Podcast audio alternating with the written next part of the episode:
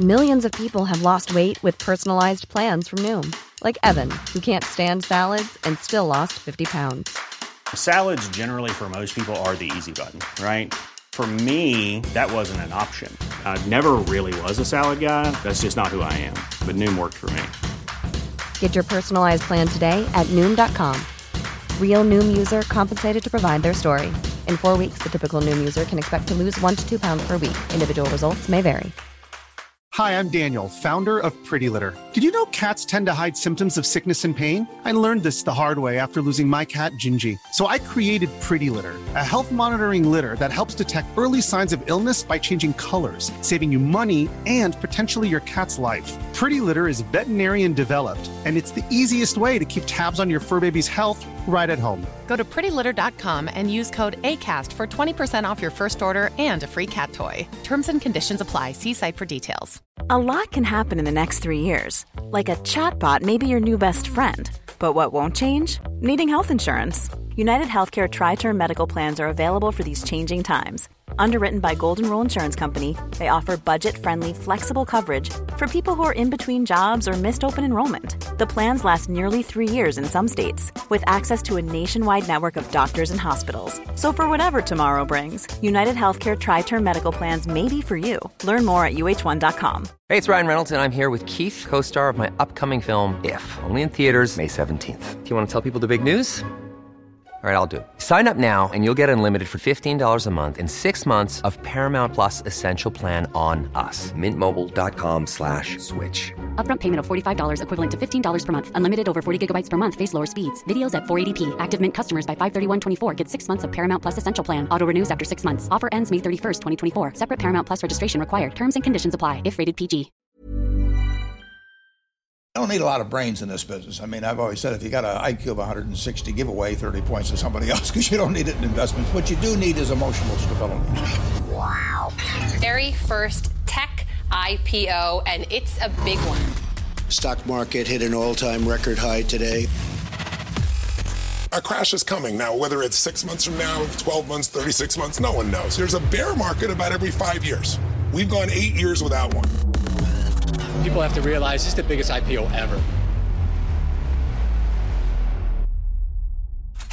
Hej och välkommen till ett nytt avsnitt av succépodden Market Makers. Du Fabian, vad har hänt i veckan? Ja, just nu är det full fart på rapportperioden. Cirka 505, 550, 450 bolag i amerikanska S&P 500 har rapporterat omsättning och vinsttillväxt. Det har legat strax under 4% respektive minus 1%. Troligtvis kommer styrkan i den amerikanska dollarn samt den sencykliska löneinflationen fortsätta att tynga på vinsterna. Wall Street förväntar fortsatt återhämtning under 2020, men det här är nog lite väl optimistiskt. Precis, minus 1 1% alltså i vinsttillväxt. Eh, det ser ju sådär ut. Eh, och Det här är lite roligt för att man lurar ändå. Man har ju den här dansen inför varje rapportperiod där man börjar sänka estimaten lite grann så att det ska vara lite lättare att kunna slå dem sen när de rapporterar. Eh, och Då går folk ut och säger kolla här hur många bolag som faktiskt slog estimaten. Det har varit superrapporter, men i verkligheten har de egentligen backat då i sina vinster. Men som sagt, det är någon liten form av charad och, och dans vi håller på med där varje gång. Eh, sen dessutom har vi haft acceleration i inflation eh, och det här hänger lite upp med den här löneinflationen som du pratade om. Det kommer vi komma in på lite senare idag också. Eh, men vi har också haft en form av värderotering. Vi man pratar mycket om det här med sektorrotationer känns som. Det är lite inneord just nu. Eh, förra veckan såg vi högbeteaktier, alltså de som korrelerar väldigt mycket med marknaden. De var upp 2,8 procent. Eh, Medan företag då i den undre kvartilen, alltså de 25 procent egentligen, eller den fjärdedel av bolag som har lägst omsättningstillväxt, eh, de var också upp 2,4 procent och ledde därmed ligan på börsen. Och sen tittar man på terminsexponeringen just nu, alltså hur är marknaden positionerad, eh, så är det lite intressant att titta på konsensus just nu. Det är tre saker som är intressanta. Delvis Exempelvis är det väldigt många som är korta VIX, alltså det här volatilitetsindex. Eh, och Det här är någonting, ni kanske kommer ihåg det för en, två år sedan här så var det ju en jättegrej. Var och varannan eh, och hans moster liksom var ju korta VIX för man sa att det var en säker trade, det går inte att förlora pengar, det var bara passiva intäkter. Problemet är att när VIX är på jättelåga nivåer, det vill säga man låg volatilitet, ja då är det som sagt låga nivåer så att det kan väldigt snabbt smälla upp. Och Vi fick ju en, en rörelse på det var väl typ 100 eller någonting på en dag, så man wipade ut de här ETFen och så vidare. Det brukar kallas picking pennies in front of a steamroller. Du, du får ju små, så här, små pengar för väldigt hög risk. Precis, och sen till slut blir man överkörd av den där ångvälten. Eh, sen dessutom är Wall Street netto långa Nasdaq, alltså det tekniktunga amerikanska indexet. Det är folk väldigt bullish inför. Eh, och dessutom är Wall Street konsensus fortfarande nettolång sojabönor. Jag gissar på att det har att göra med att eh, ja, men så fort Kina vill blidka USA nu i den här handelskonflikten, ja då springer man in och kör, stödköper sojabönor, för man måste ju ändå käka. Liksom. Anledningen till att vi tar upp det här som är lite intressant med det, det är att tänka på att när någonting är väldigt, eller väldigt många är positionerade på ett visst sätt, det vill säga många äger en viss aktie eller många äger en viss index eller vad den kan vara, eller korta för den delen, ja, då tenderar det att eh, man får inte riktigt samma typ av rörelser på den, åt det hållet då, för att det finns inte så många mer som kan köpa det. Men när alla ska ur den där traden sen, ja, då kan det bli väldigt svettigt och väldigt trångt i utgången, så att säga. Så det kan vara intressant att hålla koll på. En vattenfallseffekt. Men, ska vi hoppa vidare till den riktiga delen av avsnittet? Det tycker jag. Men först, ingen rådgivning eller rekommendation sker här podcasten. Vi berättar bara om vår process, vad vi tänker och eh, vad vi tycker om. Gör alltid din egen analys och lyssna inte på oss allt för mycket. Det första jag skulle vilja ta upp i dagens avsnitt faktiskt är ju fortsatt makrogrejer. Och eh, jag skulle vilja prata lite om vad en recession kan innebära, om vi har en sån framför oss och framförallt kanske addera lite gråskala mellan det här svarta och det vita. Det är ju väldigt lätt att man tänker binärt och tror att någon som är negativ tror att allting ska gå till noll och någon som är positiv tror det motsatta. Och det är inte riktigt så enkelt. Vi ska tänka på att en, en avmattning liksom, eller recession är inte något farligt. Om några kvartal fram så kanske det blir ganska bra igen. Eh, det betyder framförallt inte att man inte behöver äga aktier om man inte vill. Jag menar, det finns nästan alltid någonting som går upp. Eh, jag har faktiskt personligen, tittar jag, så har jag faktiskt större andel aktier just nu i, i portföljen någonsin. Och det är väl ingen av oss egentligen som försöker förutspå någon slags jättekrasch alla 2008. Men låt oss börja med fakta. Först och främst så är det inget tvivel om att vi har en avmattning i ekonomin globalt. Det går liksom inte riktigt att säga emot det. Vi har några, sak, några som står emot. USA är en. Eh, den har inte riktigt nått dit än och det är väl framför allt, då, eh, skulle jag vilja säga, en sifferexercis för att företagen har byggt på sina lager väldigt mycket, delvis för att man har oroade för Kina-tullar och allt vad det är. Eh, och Det gör att BNP hålls uppe. Det såg man ju förra BNP-siffran som, som släpptes, så var just det här med inventories en extremt stor del av det. Skulle man justera bort den så hade man ett ganska svagt kvartal. Riktigt lika mycket som här. Jag kommer komma lite in på det också, det här med varför, varför det brukar vara så här. Men man, man bygger upp in, lager och så vidare, delvis för handelstullar, men också för att man kanske är väldigt optimistisk och tror att ja, men det, kommer, det kommer nog gå bra, det är dags att expandera. Tittar vi här hemma vid istället i Sverige, ja, då vill till mångt och mycket dopa den svenska kronans fall. Eh, så vi har också klarat oss ganska bra. Vi har ju ganska rejält rally här i cykliska aktier just nu. Det är väl inte så konstigt. Tittar vi från årsskiftet har det blivit nästan 10% billigare av att handla av svenska företag om man är amerikan. Eh, och jag menar, det är väl ganska logiskt att vilja köpa någon av Volvos lastbilar eller någonting om det är så. Vi har ju stora exportjättar. Det är väl kul att köpa från dem om det är 10% nedsatta priser på allting. Kort, kort anekdot om det. Jag sprang på en, en kompis här om veckan som då jobbar åt ett företag som ägs av ett, ett engelskt investmentbolag. Då. Eh, och han jobbade i princip, var ju hur sliten som helst för att han bara jobbade med att integrera nya företag de köpte. För att de här britterna tyckte att i princip att det var ju fanns en gratis att handla företag i, i Stockholm och Sverige eftersom det var 10% rabatt på allting. Men apropå engelsmän, eh, de undviker ju nu med nöd och näppe att hamna i recession. Deras BNP-siffra kom in på minimala 0,3% tillväxt för det här kvartalet. Slår man ut det på årsbasis så blir det då ungefär 1 tillväxt och då ska man ju säga att historiskt har man växt med drygt 2% per år. I just Storbritannien, jag vet inte, du är ju på plats, on location, så du får väl se om du inte håller med här, men man har väl pratat väldigt mycket om att det just nu är en liten stop and start economy, eller stop and start mode, det vill säga man slår på alla cylindrar och gasar på när man säger att nu förlänger vi Brexit liksom handling förhandlingsperioden och sen plötsligt bara drar man i alla bromsar igen när man säger oj, men vänta, nu är det ju här datumet dags igen. Och sen så gasar man igen och så håller man på fram och tillbaka, av och på. Påminner lite om din favoritlåt, den här Dansa pausa. den är väl ungefär eh, åtta år gammal, så det är nog inga kids i, som lyssnar på den här podden som förstår det gamla skämtet. Va? Vi vet i alla fall sedan tidigare att Italien redan är i recession och EUs powerhouse Tyskland, de är ju nära nu. De har gjort, gick ju in på minus 0,1 procent för Q2 och stor chans att man inte kommer göra bättre ifrån sig i BNP-siffrorna som kommer för Q3. Och det räcker faktiskt. Två kvartal med negativ BNP-tillväxt, det är ju det som vi klassar som en recession liksom, sådär standardmässigt. Eh, ja, och då i sånt fall har man ju det. Eh, något som i alla fall är intressant i det här, det är ju en liten trend som vi har snappat upp i det här. Då. Det är också, som, som en del skriver, det är att man ser nu mycket på siffrorna att tillverkning och sånt börjar flytta hem ganska mycket. Att eh, folk vill ha tillverkningen närmare och då bara eh, slog det mig, tänkte jag lite på det här väldigt fina kvalitetsbolaget vi har på Stockholmsbörsen som heter Note, som håller på med så De är en kontraktstillverkare som bygger just i mycket i, Europa och så vidare och levererar då till kunder nära för att man har mycket längre eh, ledtider och sånt om man ska beställa saker från Kina. Och då är det smidigt att kunna beställa de här grejerna direkt från lite närmare där man sitter. Ja, allmänt så ser man ju många emerging markets och Kina som skyfflar om där i sin Eh, tillverkningsstrategi och outsourcing och allt vad det har sig. Kina, eller vet jag, USA hämtar hem mycket av sin tillverkning tillbaka till hemlandet. Och det ser ju Trump såklart som en riktig vinst, men man får ju fråga sig, är det verkligen vinst att det blir så mycket billigare att tillverka på hemmaplan, eller visar det någonting, eh, någonting större i ekonomin, någonting större som håller på att hända där i bakgrunden? Ja, och om man ska kommentera det, det är lite intressant ändå, så, så som det har sett ut hittills har det varit att först tillverkar vi sakerna själva på plats, sen flyttar vi det till någon som kunde göra det billigare för att vi vill ha högre löner och vill få det bättre ekonomiskt ställt. Och Sen började vi ju se att, att de länderna som tidigare tillverkade, de flyttade vidare till nästa led. Och Sen bara liksom trattas det här ner, längre och längre ner i värdekedjan till fattigare och fattiga länder.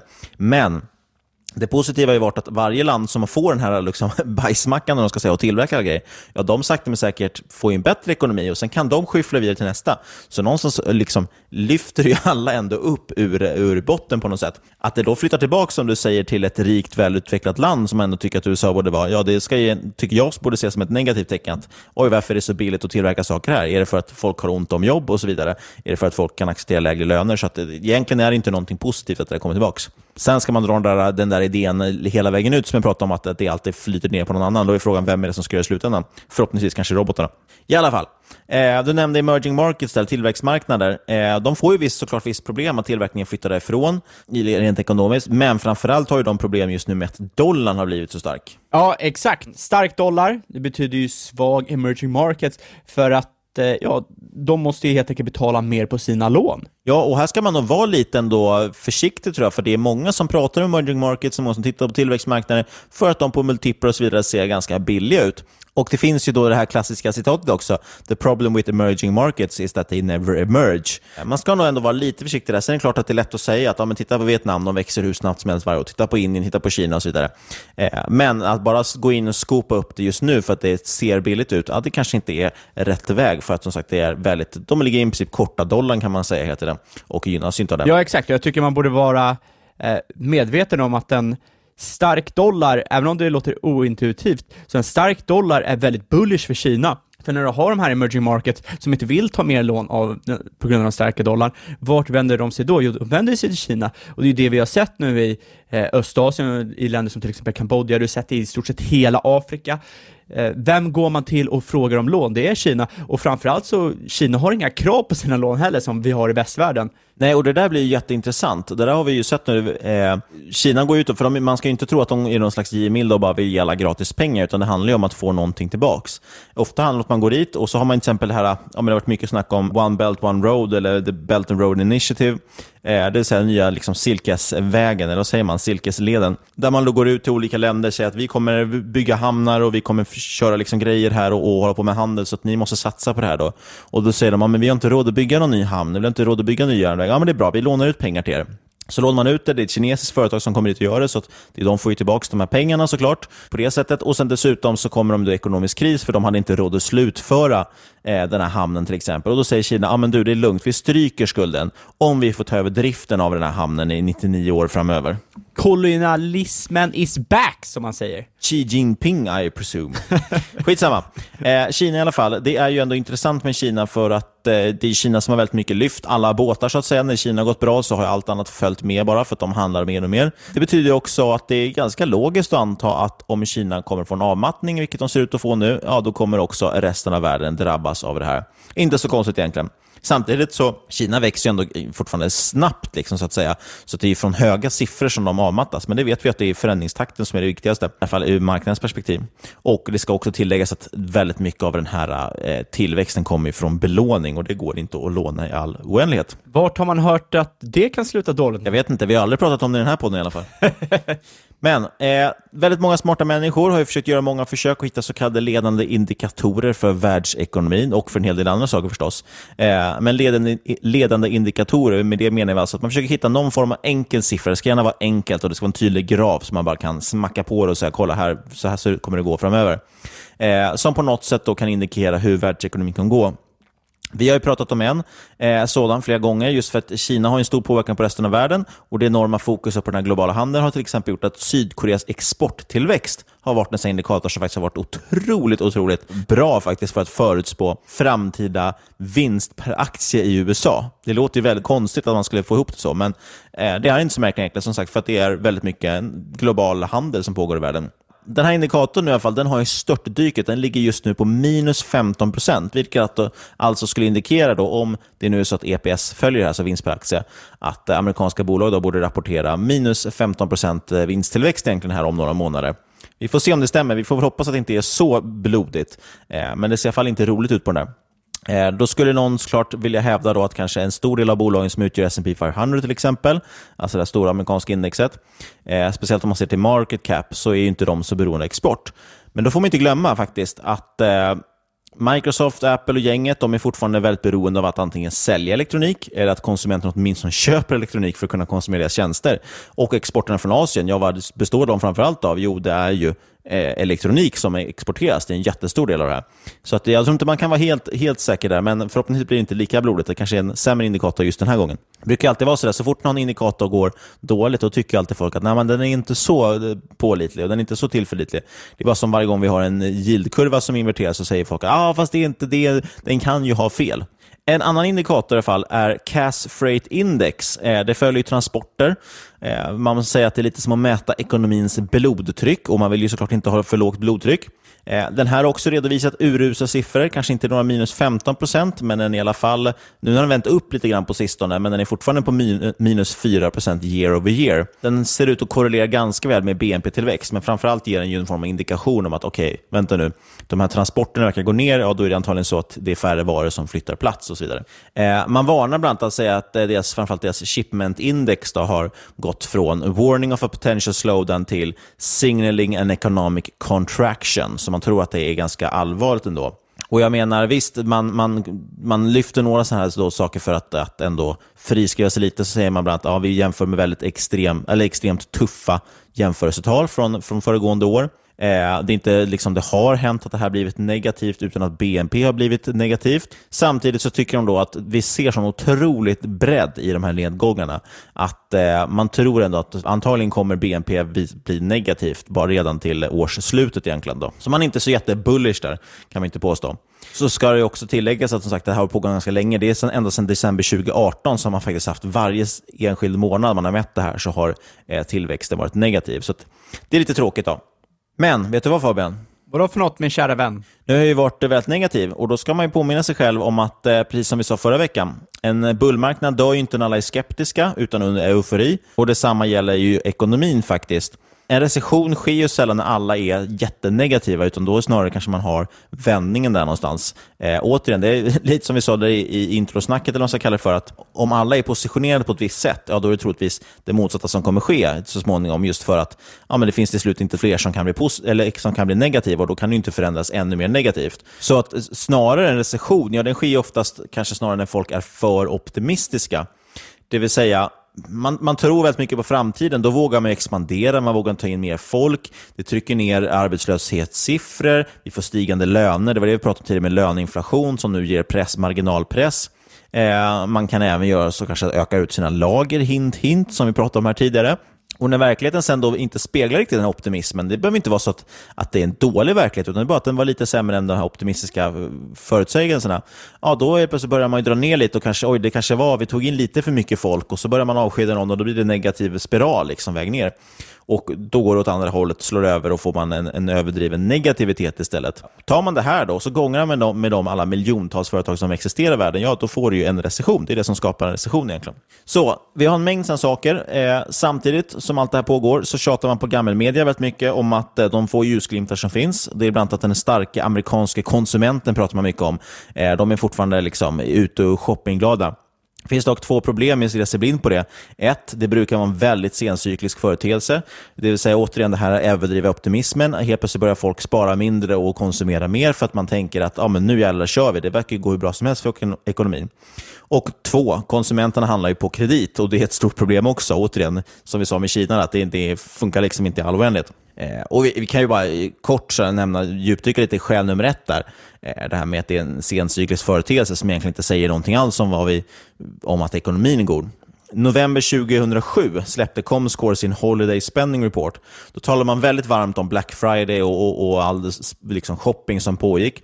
Så att den amerikanska konsumenten är extremt stark. Man hade en 22-procentig tillväxt year over year. Det är ganska starkt, eh, att man säljer alltså för mer än 20% mer. Så då sa man att det är ett tecken på ett starkt positivt momentum. Och Det här var då alltså en månad innan the great recession påbörjades, alltså den stora recessionen i samband med finanskrisen. Eh, så att att prata om en stark konsument är inte något trygghetstecken direkt. Borde man vara orolig nu när Alibaba har slått ytterligare rekord på sitt Singles Day? Det tror jag inte, för att eh, Alibaba kan ju bara växa till himlen och slå nya rekord efter nya rekord. Så att många som, eh, det här med Singles Day har ju faktiskt kommit till Sverige också. Vi, vi, visst pratade vi om det förra året, vill jag minnas, den 11 november också? Absolut, remember, remember the 11th of November brukar det väl vara? Någonting sånt. Nej, men eh, vi pratade om det förra året också och det kommer ju från det här med att det handlar ju väldigt mycket om numerologi. Eh, det vill säga att det är fyra stycken ettor, 11 november, 1, 1, 1, 1. Eh, men det har kommit till Sverige och jag ser väldigt många nu som tycker att det försöker göra sig lustiga över Men vadå, vi som inte är singlar får vi ju också rabatter. Så bara, jo, fast det är inte riktigt det det kommer ifrån så att säga. Det är ju singel som i att man är en, en etta. Hur som helst, väldigt mycket negativt snack nu om, om ekonomin. Samtidigt tittar man lite framåt, men vi måste vara långsiktiga. Då ser ju prognoserna goda ut. Någonstans så om några kvartal, här, kanske H, H2 liksom 2020, eh, så ser det faktiskt ut som att eh, många av de här prognoserna börjar vända upp till det positiva. I alla fall de prognoser vi litar på eller tycker om. Som sagt, så det är inte så mycket som talar för en krasch. Eh, och speciellt inte när det var de här penningpolitiska stimulanserna som alla pratar om och alla förlitar sig mycket på. Jag tycker dock att det är intressant då. Eh, som sagt, en bullmarknad, liksom, eller en, en, marknad dör inte på, på något annat än eufori. Den måste, eller den dör inte på skepticism, utan på eufori. Det är ändå viktigt att tänka på två saker. Det, det, det, kan gå väldigt fort. Vi har faktiskt sett nu att det här fear and greed-index som man pratar om, jag minns bara två, typ två veckor sedan så var det någon som lutade att nu har vi extreme fear och vi är nere på extremt låga nivåer. Så tänkte man, oj då, okej, nu är väldigt många skeptiska, då kommer folk vända om och, och bli positiva. Och sen nu istället är vi uppe på nästan 100 på den här skalan, alltså max taket. Så helt plötsligt är det superextrem greed på helt sanslösa nivå. Så det går ju verkligen fort. Och det här ändras bara på, på någon vecka i princip nästan. Eh, och Jag tror faktiskt den största faran just nu det är att det är lite väl många, jag bland annat, som pratar om det här med en blow-off top och att ah, men vänta, vi, vi ska ha bara ha ett sista litet hurra innan, vi liksom, innan det smäller. Och då ska vi, måste vi vara med på den resan och sen så ska alla då eh, stäng, släcka ner sin risk precis innan det vänder. Eh, och Jag vet inte, hur, hur troligt tror du att det kommer vara? Att alla lyckas med det? Jag tror verkligen ingen kommer lyckas med det. Antingen är man ju med på en blow-off-topp och det är för att alla tror på det, eller så börjar folk som du säger positionera sig för en blow-off-topp och då kommer det inte bli en blow-off-topp, då kommer det antagligen bli tvärtom, att du kommer fortsätta se marknaden stiga och stiga och stiga ytterligare och då kommer den här blow-off-toppen bli förskjuten. Det är det här steget man kan göra så här oändlig second level thinking. Okay, om, det är, om alla tror att det kommer vara negativt, då kommer det bli positivt. Men om alla tror att det kommer bli positivt för att det är negativt, då kommer det bli negativt. Om alla tror att det kommer bli negativt för att de tror att det är positivt för att det kommer vara negativt, då kommer det bli positivt. Hänger du med? Exakt. Två negativ blir en positiv. Men jag, jag tror att den största faran just nu egentligen som vi har, det är att vi har sån extrem tillit till centralbanker. Alltså alla någonstans lutar sig ändå alla mot att ah, men there's no alternative, TINA, eh, och centralbankerna kommer stimulera oss ur den här krisen oavsett. Så att vad de än gör så kommer det gå bra. Jag tror ändå att det, det är den största faran vi sitter för. För tänk om de inte sänker räntorna, tänk om de inte gasar på med QE. Då får vi en total chock i marknaden. Och jag menar, vi pratade för några avsnitt om, just pratade mycket om det här med negativa räntor och japanifiering och så vidare. Och Då sa vi det att Japan redan innan man började med QE till exempel, sa ju själva, enligt deras studie så verkar det här, sa de att det här verkar inte ha någon effekt, men vi kommer testa det ändå. Eh, och, och, Vi har ju sett att så här, det, det, finns ingenting, det verkar inte vara någonting positivt med att ha negativa räntor till exempel. Eh, det är därför till exempel Ingves nu, jag tycker faktiskt vi ska ge en eloge att han försöker ändå höja räntan nu och åtminstone sätta noll. Sen kommer antagligen han ligga på noll i all oändlighet om han får välja. Men han försöker ändå höja den lite för att han tycker att ja, negativa räntor är någonting skevt eh, och dessutom verkar det ha vissa negativa effekter. Det som är absolut mest intressant med centralbankerna, det är att det känns som snittinvånaren ja, snittinvånarna är ju inte särskilt intresserad av finansiell ekonomi, men att du har superstor koll på eh, centralbankerna och är väldigt villiga att centralbanken ska få köra sitt egna race, fastän det är antagligen den institution som påverkar snittinvånarna mest i sitt dagliga liv. Det är liksom, vem fan bryr sig om Socialdemokraterna eller Moderaterna? Ja, öka skatten lite eller sänk skatten lite, det spelar ingen roll. Till centralbankerna påverkar så mycket mer. Och ändå låter man dem köra sitt egna race och det känns som Medelsvensson inte bryr sig ett piss. Nej, man, de flesta upptäcker det väl när de åker på utlandssemester och inser att shit vad dyrt det har blivit och så förstår man inte riktigt varför. Men så jag tycker man ska ge en liten eloge till Ingves. Han kanske har lyssnat på, på vårt avsnitt om negativa räntor. Tror du därför han har svängt om om det här? Självklart. Jag har hört på omväg att eh, Ingves lyssnar på en podd och One Pod Only och det är Market Makers. Eh, jag tror i alla fall att eh, man ska som sagt var lite försiktig med det här. Nu har vi fått en tillträdd hon Lagarde där från, från IMF. Hon har ju sagt det i princip. Det var helt sjukt. Hon gick ut och uttalade sig. Hon tar över ECB, alltså för den som inte vet det. Hon gick till och med ut och uttalade sig. Hon kommer ju stimulera järnet. Och hon sa till och med det att eh, jag, bryr mig, jag tror att folk kommer vara gladare över att de har jobb än att vi försvarar deras sparade pengar. Så hon tycker i princip att vi kan ha maximal kapitalförstöring och totalt urholka värdet på euron så länge folk får behålla jobbet och vi stimulerar ekonomin.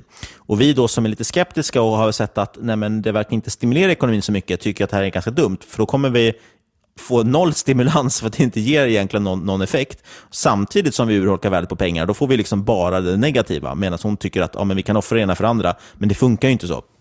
Ja, jag blev galen i alla fall när jag läste det. Men Ingves är i alla fall upp till noll. Du, du, och... Innan vi går in på Ingves igen, det är ju väldigt viktigt att veta om också att eh, ECB, då hon Lagarde, hon är ju faktiskt en convicted criminal. Hon blev ju dömd helt enkelt för att ha gjort olagliga payouts när hon var head of IMF. Så att, ja, du, du har en kriminell person som sitter eh, in charge av ECB. Känns inte, det känns ju lite otryggt. Men jag tror som sagt att man ska vara försiktig på att förlita sig för mycket på att de kommer lägga sig på gaspedalen.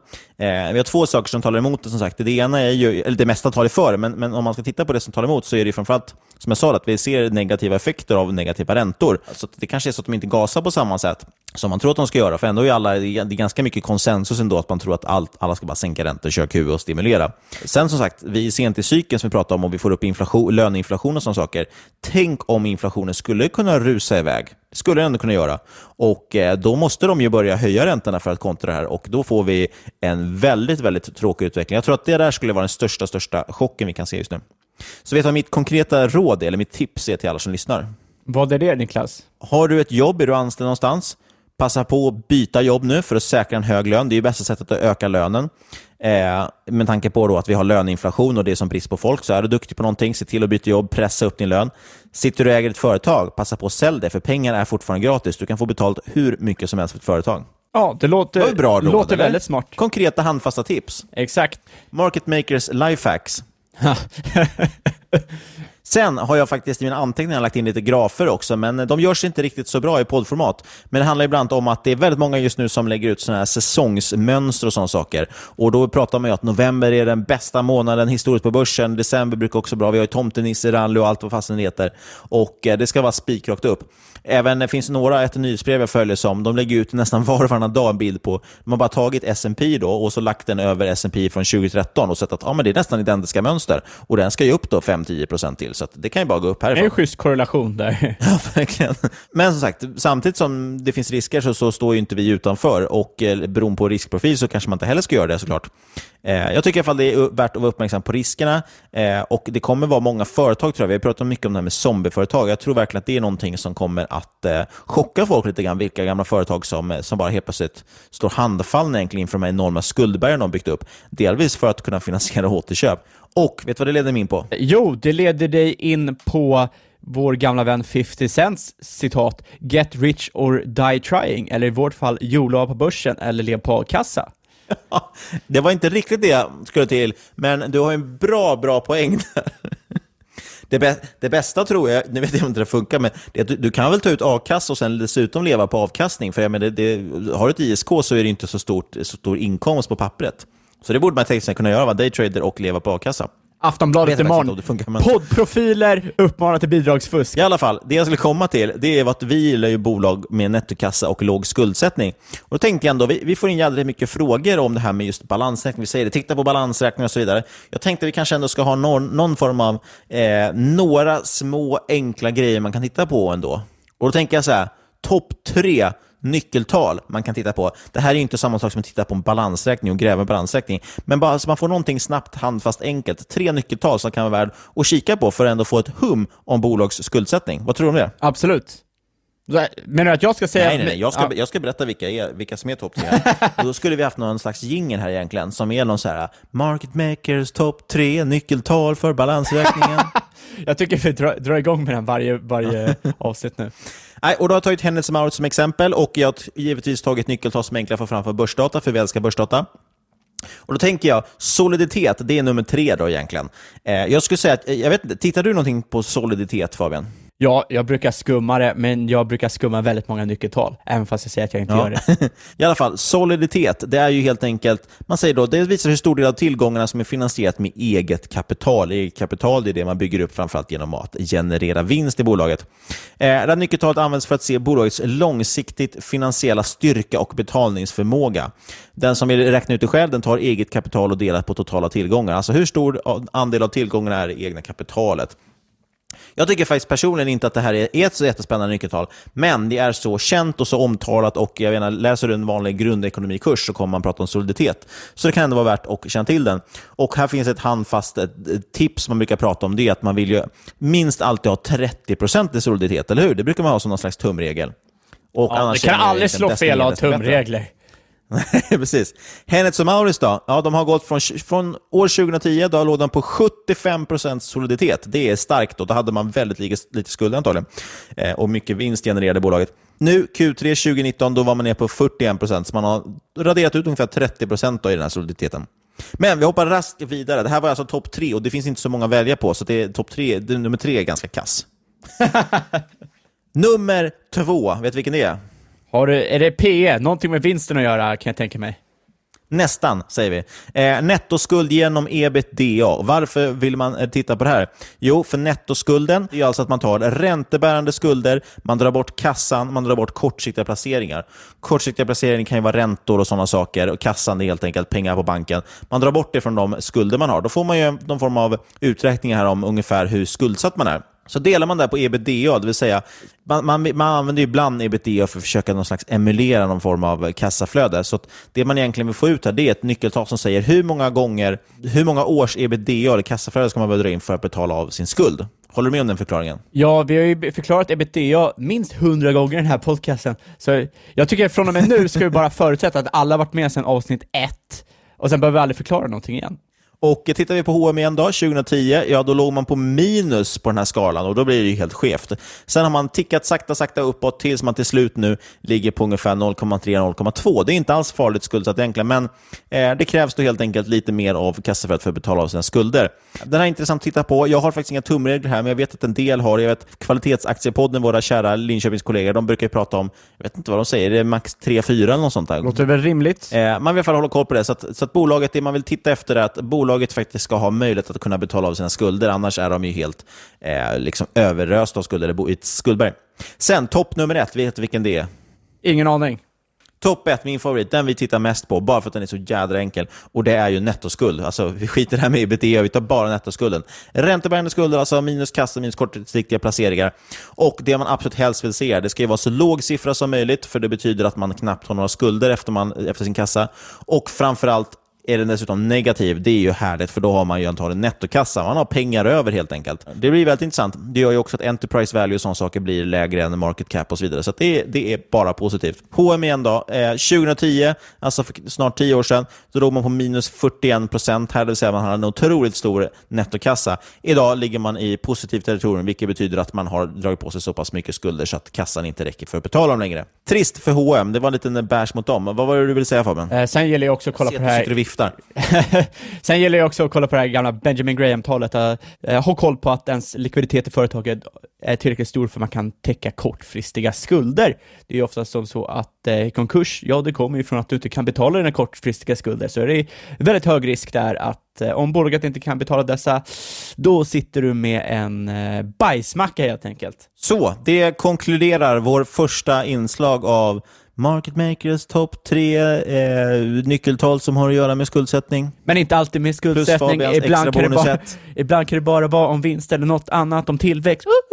Nu vet jag att du ville prata om eh, dating Fabian. Ja, exakt. Det är så att, eh, det är lite jobbigt för mig att säga, men eh, jag söker tre nya partners att dela mitt hem med. Hur hur ser din nettoskuld ut? ja, den är fantastiskt hög. Men eh, nej, det är så att vi har ju avhandlat rätt mycket intressanta bolag med starka moats i den här podden. Senaste veckan, eh, veckan, senaste veckorna har vi pratat om till exempel Constellation Software, vi har pratat om Costco. Eh, de här bolagen har ju strukturella fördelar, i, de har kostnadsfördelar. Vi har pratat mycket om FANG, vi har pratat mycket om Visa Mastercard och de nätverkseffekter de här bolagen har.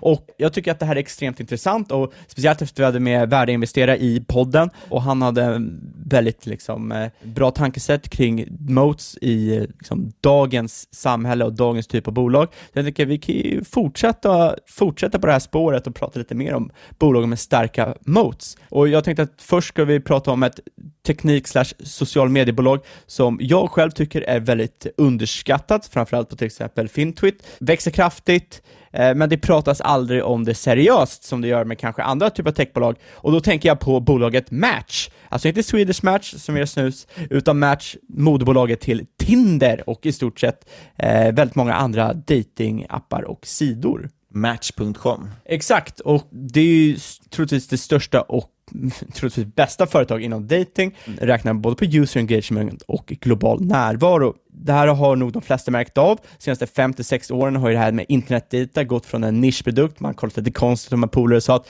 ja, jag träffar den här bruden på den här appen, till att det är en helt alldaglig vara där i stort sett alla vid bordet sitter och pratar om deras Tinder-dejter eller liknande. Tinder leder marknaden framför den näst största konkurrenten Bumble med ungefär dubbelt så många nedladdningar per månad. Eh, av amerikanska 18-34-åringar så hade över 30% använt en datingapp eller tjänst vilket är väldigt intressant. Men det här med datingmarknader, analytiker förväntar sig att datingscenen kommer explodera i storlek, Eh, kommer växa till 12 miljarder dollar eh, till slutet av 2020. Och det som är intressant här är att eh, Q3 för Match kom inline men vi såg en liksom, rätt stark sell-off på grund av den lägre tillväxten i nettokonton, alltså net ads, än förväntat. Och eh, dessutom så la man fram minskade förväntningar inför 2019 och 2020 på grund av högre legala kostnader och investeringar i portföljen. Och det här tycker jag är golden opportunity, va? För det är ju så att Tinder, de la till 440 nya, 000 nya användare eh, netto under Q3. Det här var ju över konsensus på 400 000, men under Q2 som låg på 500 000. En av anledningarna förklaras av att till exempel Apple har gjort förändringar i hur iOS hanterar Tinders prenumeration. Det här kommer påverka framöver, men det är redan inräknat i guiden, så det är inget man behöver oroa sig över. Det som är så intressant är att Tinder kan pusha att få in eh, över en miljard dollar i omsättning 2019 och med tanke på att de har så grov tillväxt under 2019, framförallt 2018 när de växte över 100%, så är det väldigt eh, sannolikt, eh, sannolikt. Sen har ju Match flera andra bolag i portföljen. De har ju eh, Match.com, de har OkCupid, de har Hinge och alla de här optimerats och eh, växer starkt internationellt. Det måste ju, kan man ju ändå tycka, finnas väldigt mycket synergier mellan dem. Eller inte synergier mellan bolagen på så sätt, men, men know-how liksom, som man kan återanvända på de här olika sidorna. Absolut, exakt. Och en rädsla med att investera i Match, det är att eh, Facebook har ju kommit med sin Facebook Dating och många tycker att det här är lite oroligt. Men framförallt bör man tänka på att det är en väldigt stor skillnad i användarupplevelsen mellan Facebook Dating och Tinder och det kommer att attrahera olika människor och som Niklas säger finns stor know-how hos Match som Facebook inte har. Facebook breddar väldigt mycket men de nischar inte sig och i vissa branscher är det väldigt viktigt att nischa sig för att veta vad ens kund faktiskt vill ha. Eh, när Facebook rullade ut sina datingfunktioner så föll Match cirka 22% på en dag men det här har ju gått och väl återhämtat på grund av outperformance Köpläge. till prenumeranter, ARPU, eh, omsättning och ebitda. Framförallt bör man ju tänka på att det här med att Facebook går in i dating, det bör ju kommer ju snarare normalisera online dating ännu mer. Eh, och det här är ju det är bara positivt för, eh, för eh, Tinder och eh, alla andra ty- av Matchs produkter.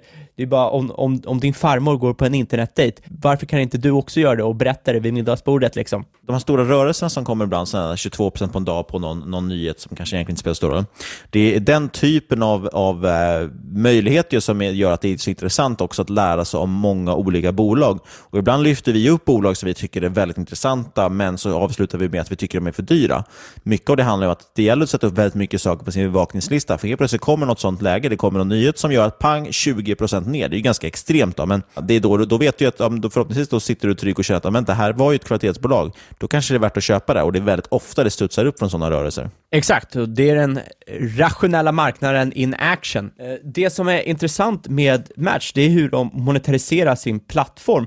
Många andra typer av social media, de, till exempel Facebook och liknande, de använder ju reklam och ads för att få in pengar. Men intressant är att ads idag endast står för 3% av omsättningen och det säger eh, i stort sett två saker. Dels att Match eh, är väldigt eh, tror väldigt hårt på att de kan få upp detta till en högre procent och framförallt visar det också att de inte är beroende av reklam för att tjäna pengar och det här är extremt viktigt när, framförallt när, när väldigt många inte gillar att få reklam. Då kan man ju fråga sig, hur tjänar de här pengar? De har ju olika typer av prenumerationsprodukter då. Ett exempel är till exempel Tinder Plus, där du får det som kallas unlimited swipes, det är att du kan eh, swipa höger och när du swipar höger så säger du i stort sett ja, jag vill gå ut på en dejt med dig.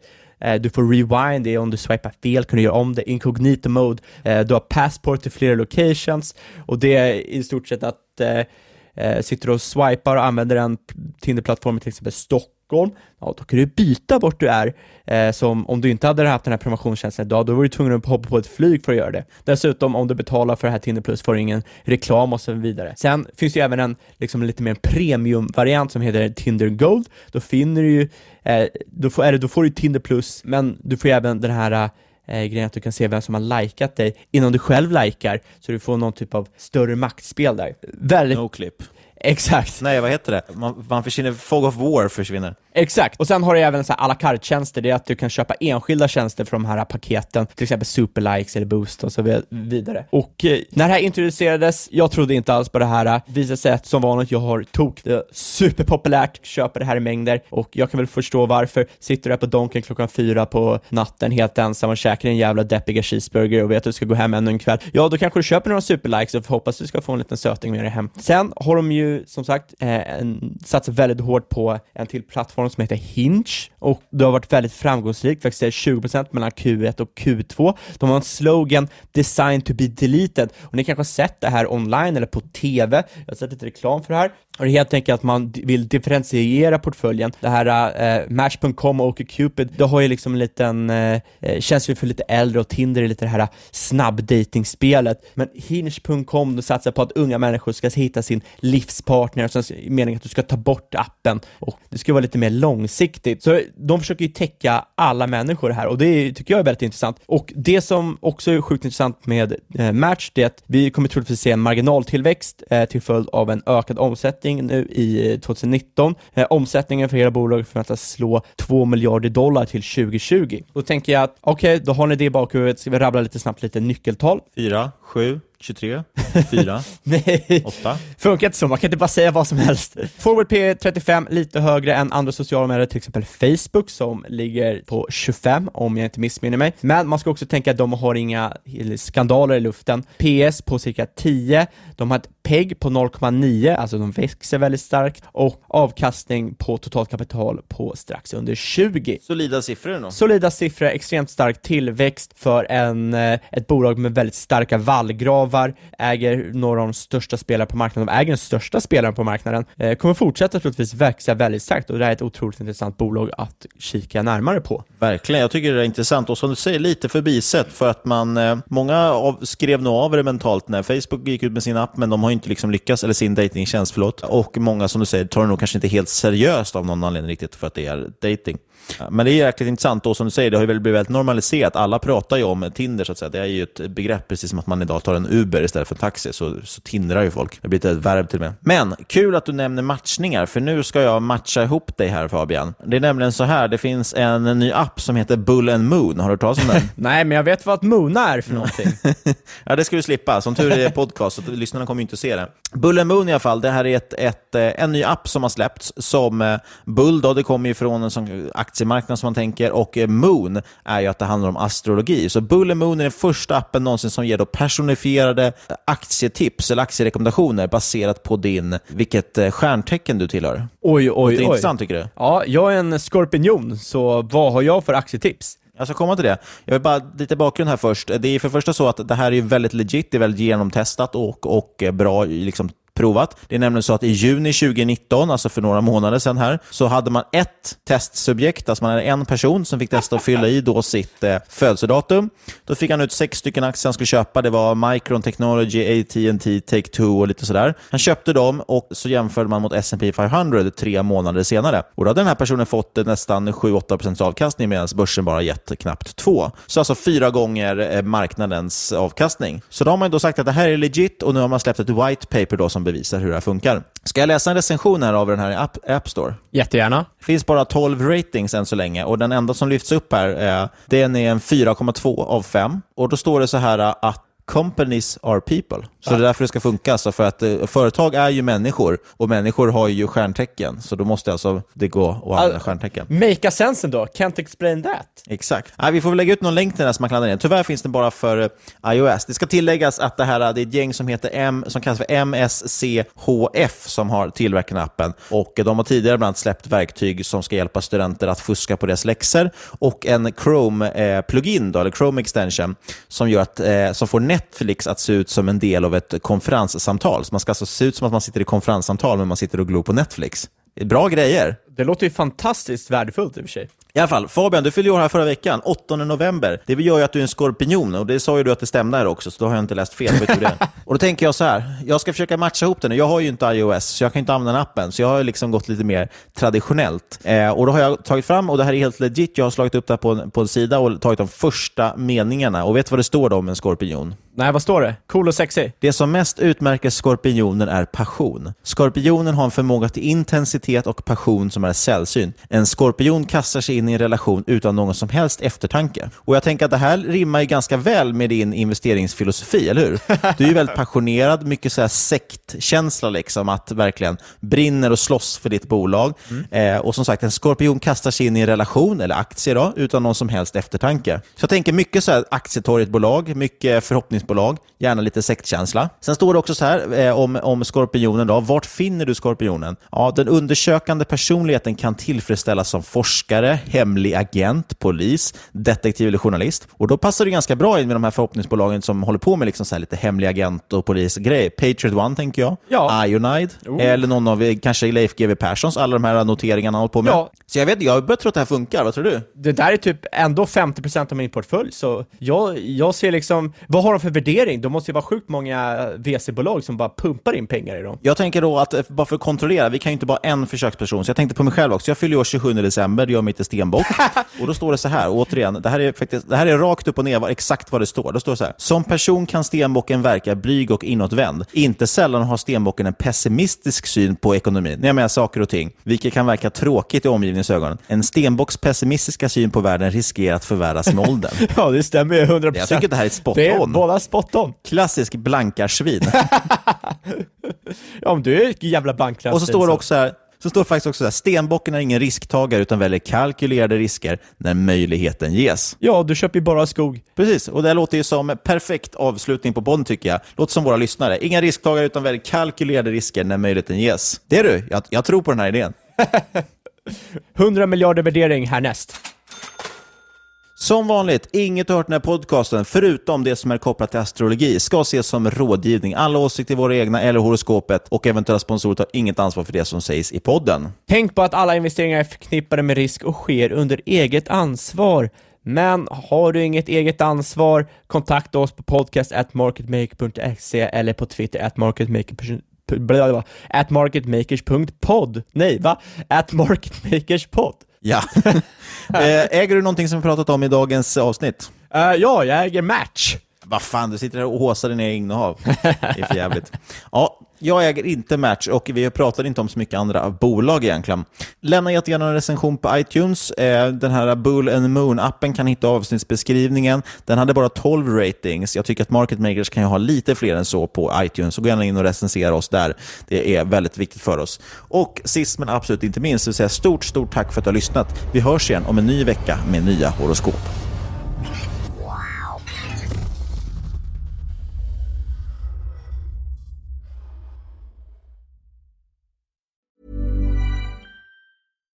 Hi, I'm Daniel, founder of Pretty Litter. Cats and cat owners deserve better than any old fashioned litter. That's why I teamed up with scientists and veterinarians to create Pretty Litter. Its innovative crystal formula has superior odor control and weighs up to 80% less than clay litter. Pretty Litter even monitors health by changing colors to help detect early signs of potential illness. It's the world's smartest kitty litter.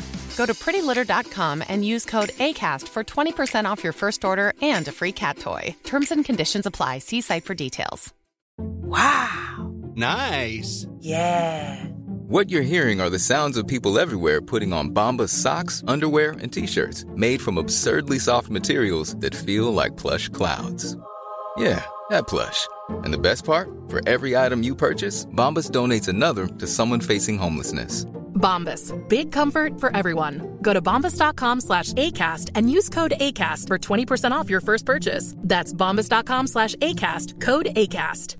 Quality sleep is essential. That's why the Sleep Number Smart Bed is designed for your ever-evolving sleep needs. Need a bed that's firmer or softer on either side? Helps you sleep at a comfortable temperature? Sleep Number Smart Beds let you individualize your comfort so you sleep better together. JD Power ranks Sleep Number number 1 in customer satisfaction with mattresses purchased in-store. And now, save 50% on the Sleep Number limited edition Smart Bed for a limited time. For JD Power 2023 award information, visit jdpower.com/awards. Only at a Sleep Number store or sleepnumber.com. Millions of people have lost weight with personalized plans from Noom, like Evan, who can't stand salads and still lost 50 pounds. Salads, generally, for most people, are the easy button, right? For me, that wasn't an option. I never really was a salad guy. That's just not who I am. But Noom worked for me. Get your personalized plan today at Noom.com. Real Noom user compensated to provide their story. In four weeks, the typical Noom user can expect to lose one to two pounds per week. Individual results may vary. One size fits all seems like a good idea for clothes until you try them on. Same goes for healthcare. That's why United Healthcare offers flexible, budget friendly coverage for medical, vision, dental, and more. Learn more at uh1.com.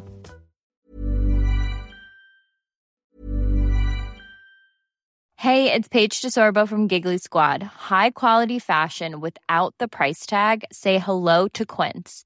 I'm snagging high end essentials like cozy cashmere sweaters, sleek leather jackets, fine jewelry, and so much more. With Quince being 50 to 80% less than similar brands. And they partner with factories that prioritize safe, ethical, and responsible manufacturing. I love that. Luxury quality within reach. Go to quince.com slash style to get free shipping and 365 day returns on your next order. Quince.com slash style. Hi, I'm Daniel, founder of Pretty Litter. Cats and cat owners deserve better than any old fashioned litter. That's why I teamed up with scientists and veterinarians to create Pretty Litter. Its innovative crystal formula has superior odor control and weighs up to 80% less than clay litter. Pretty Litter even monitors health by changing colors to help detect early signs of potential illness. It's the world's smartest kitty litter. Go to prettylitter.com and use code ACAST for 20% off your first order and a free cat toy. Terms and conditions apply. See site for details.